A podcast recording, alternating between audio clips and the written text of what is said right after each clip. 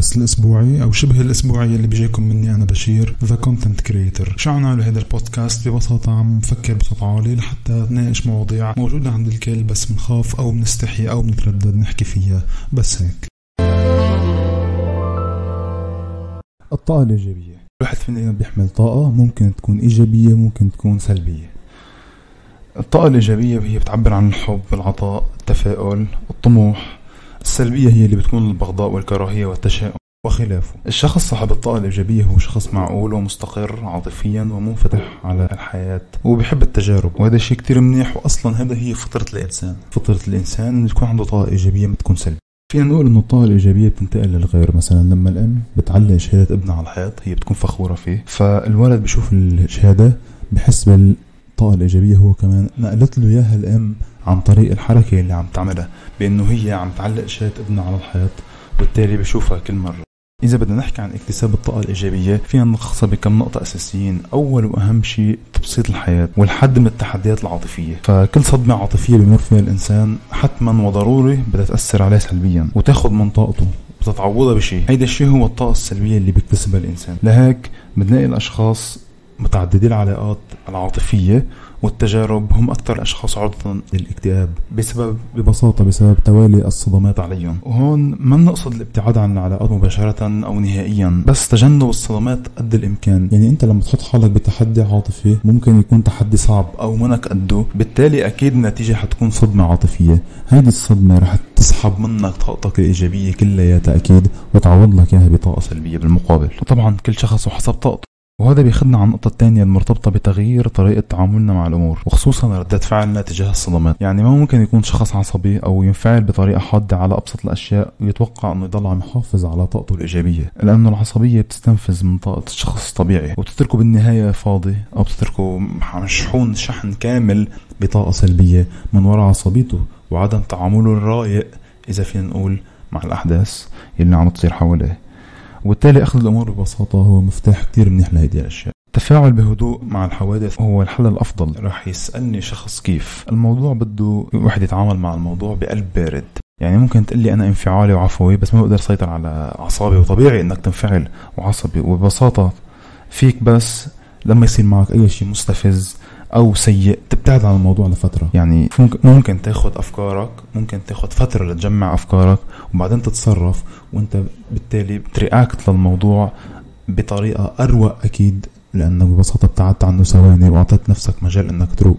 وإنك تبعد فترة أو تبعد آه كمسافه عن الموضوع اللي صار. أكيد رح تقدر تتعامل معه بعقل هذا الشيء حيريحك أكيد على المدى الطويل. وهو صعب بالبداية طبعا خصوصي للناس العفوية يلي مثل ما بيقولوا جوابا على رأس لسانهم. النقطة الثالثة هو تمضية الوقت مع الأشخاص أصحاب الطاقة الإيجابية أو ببثوا لك الطاقة الإيجابية. هيدي النقطة بديهية جدا ولكن ضروري نحكي فيها. فأنت مش ممكن تكون متشائم بمكان شغلك وتتوقع نفسيتك إنها تتحسن. أو تحس أصلا بتيار الطاقه الايجابيه وأنت كاره زملائك يمكن كاره أصدقائك اللي عم تكزر معهم. فبدك بالتالي بدك تبرم عن أشخاص يلي بتحس معهم بتحسن بتحس معهم بالدعم بتحس معهم بالتطور. يعني فيك تقول إنه هالأشخاص أنت you have to stick to them لازم تضلك معهم. فالطاقة الإيجابية معدية مثل ما بنقول. وخليك بعيد عن الناس المتشائمة. مثل ما عم نقول إنه الطاقة الإيجابية معدية. فمثلا مساعدتك للآخرين ممكن كمان تكون من أهم الطرق إنه يعطيك شعور بأنك شخص أفضل. وبيرفع السلف استيم اللي عندك. لما تلاقي حالك عم تساعد وتعطي فأنت أصبحت مصدر وعليك المحافظة على نفسك. أنت بطلت مستقبل أو عم تاخذ طاقة إيجابية أو دعم أو معنويات من حدا. أنت صرت عم تعطي.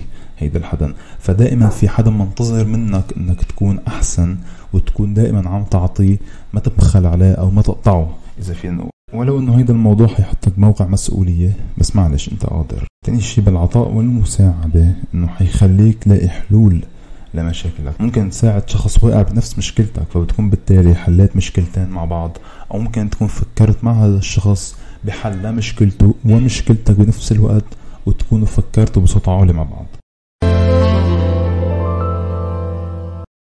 النقطة الرابعة هي الانضمام للمجموعات اللي بتقدم مساعدة ذاتية وتعطي الدعم العاطفي للشخص. ممكن توجهه كمان بقرارات وأشياء وهذا الشيء مش عيب طبعا ولا تقليل منك أنت كشخص لنكون متفقين. العالم كله في توجيه للمشاكل.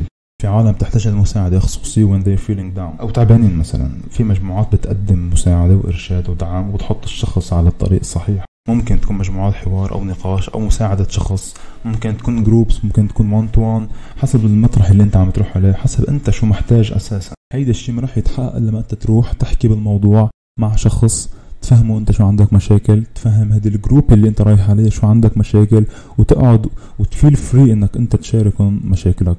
ما تضلك حاطط نفسك بهيدي الزاوية. كل شخص حسب شو بيرتاح. المهم إنك أنت ما تهمل نفسك. إنك تروح تطلب هيدي المساعدة. ولو كنت منك مقتنع فيها اقتناع كامل. اقتناع بسيط جدا حيخليك تعمل أول خطوة وبالتالي تتدرج لحد ما أنت تلاقي حلول فعلية لمشكلتك. النقطة اللي بعدها وهي جدا أساسية واللي هي للأسف ال social media عم تزيد منها هي المقارنة مع الغير. ما تقارن نفسك مع حدا. دغري مباشرة من أول الطريق. مقارنتك الوحيدة هي مع نفسك لأنك بمقارنة نفسك بغيرك عم تكون عم تظلم حالك وعم تحط حالك أصلا بموقع لوم دائم عم تلوم حالك أنك أنت مش مثل فلان أو علان وصل لمحل أحسن منك وظيفة أحسن منك علاقة إلى غيره. وهيدا هو أكبر غلط فعليا أنت عليك بنفسك بدك تراقب نفسك وين ما كنت وين كنت أنت وين كنت أنت وين صرت شو ناوي تعمل لقدام قديش عم تتطور. ك career كعلاقات كحيالله activity أنت عم تعمله. حتى أنت كيف عم تتطور بين رفقاتك. كل ما توصل لهدفك شوف أنت من وين بلشت وين وصلت. واعطي لنفسك شوية credit لأنه أنت مين حقق الإنجاز. أنت الشخص المهم بالموضوع ما حدا غيرك. ومقارنة نفسك بغيرك هو فراغ. وطبعا هو شيء وهمي. مثل ما أنت وصلت لمحل غيرك بيتمناه. لازم عليك تضل عم تتطور وما تثبت بمكان معين ومكان واحد. حتلاقي حالك تلقائيا مليان طاقة إيجابية لأنك أنت عارف كمية الإنجازات يلي عم تعملها وبالتالي حيصير عندك الرغبة بالتقدم تنتقل مثل ما بيقولوا من درجة لدرجة. هون بس أنت رح تحس بذاتك وأنت مين وساعتها حتفهم الفكرة اللي قلناها إنه أنت المهم بالموضوع. سادسا عزيزي وعزيزتي ابتعاد عن العالم شوي وهيدا موضوع حساس. ما بقصد هون العالم أو أنا هون عم بعمل دعوة للتوحد بس يعني خلوة صغيرة بينك وبين نفسك هو شيء ضروري جدا لتستعيد طاقتك اللي استهلكتها يوميا بالتعاملات مع العالم وغيره. فيك تاخد وقتك اختلي بنفسك فكر تأمل صلي. آه، يعني اعمل الأشياء اللي أنت بتعرف إنها بتساعدك واعملها لوحدك. هون قصدنا الاختلاء بإنك تبتعد عن العالم نهائيا. اعمل الشيء اللي بتحبه لوحدك منفردا. كرر الأشياء الحلوة يلي بتساعدك على إنك تستجمع شتات نفسك مثل ما بيقولوا. وخصوصا للعالم التعبانين للمستنزفين يلي يلي نهارهم اليومي أو أشغالهم عم تستنزفهم عم توصلهم لآخر الشهر خالصين وفاضيين من أي طاقة لحتى يعملوا أي شيء. اشحن نفسك طاقة من الأشياء اللي قلناها واطلع للعالم أقوى مئة مرة من كيف فتت طلعتك من العزلة اللي فت فيها ضروري تكون طويلة بس طلعتك منها رح تكون أقوى بكتير من كيف فتت أوعك توقع بغلط إنك تكسر عزلتك بال social media. ابدا. أو تطمن على العالم أو تحكي مع فلان. لاحق لاحق لكل هيدي الشغلات. لاحق بنهارك اليوم تحكي فلان وعلان وتسأل عن هذا شو عمل وهيداك شو عم يعمل. لاحق تسأل عن هيدي الشغلات. أول شي نفسك تخلص العزلة بتطلع بتحكي العالم. خذ وقتك الكامل خذ وقتك الكامل بهيدي العزلة. وبعدين بقى لاحق على عجقة الشغل والحياة والعالم وغيره. إذا بدنا نروح للطرق الجسدية الفيزيكال اللي بتساعدنا ممكن نلاقي كتير أشياء. أهم طبعا الصلاة. السجود خصوصي تحديدا بيسحب الطاقة السلبية من الجسم. ثاني شيء ممارسة الرياضة طبعا تحريك الجسم. اللعب مع الأطفال وتمضية الوقت معهم لأنه هيك هيك الولد الصغير مش رح يحكيك عن هموم حياته ولا رح يشكي لك. رح تلعب بتطنيش كامل لأي مسؤوليات موجودة عندك. كمان مبادلة الأحضان مع الأهل والأصدقاء. الأهل والأصدقاء مش حدا غيرهم شايفك. اللي عم تبتسم. الأكل الصحي بالإضافة إنك تفوت الملح الصخري على أكلك وأخذ الحمام بالمي والملح الصخري. تأثيره عظيم جدا وفي دراسات عديدة عن هذا الموضوع. ممكن حتى ممكن أيضا ترش الملح حوالين تخت بحالة الأرق واللي كتير عالم بيعانوا من هالموضوع. اخر فكرة وأهم فكرة وهي يمكن خلاصة كل شيء قلناه قبل هل أنت مطالب إنك تكون صاحب طاقة إيجابية كل الوقت؟ طبعا لا. جواب واحد. هل أنت مطالب بنشر الطاقة الإيجابية للآخرين؟ طبعا لا. طبيعي تكون تعبان أو زعلان. طبيعي. حتمر عليك أيام صعبة. الطبيعي تكون حياتك مليانة ups and downs. أنت لا مطالب تفيك ابتسامة إنك أنت تحط على وشك ابتسامة صفرة منها حقيقية ولا تكون مصدر طاقة أو سعادة لحدا. أنت أول شي عليك بنفسك. وأوعك تخلي اليوم السيء يمتد معك ويقعد فترة طويلة بينما اليوم الجيد تمرق بسرعة. عيش اليوم بيوم وبكل ثانية لأنه أنت عارف منك ضامن بكرة. خصص وقتك لنفسك رتب أغراضك. بعد ما ترتب ذاتك طبعا خلي شي نص ساعة كل يوم بسرعة. اقعد على البحر إذا بتحب. كول استمتع بالأكل. قدس لحظات السعادة الصغيرة لأنها متعوض. لاحق تعيش النهار الصعب يلي أكيد رح يجي. بس خلي يجي وأنت جاهز. وإياك ثم إياك تلعب دور الضحية.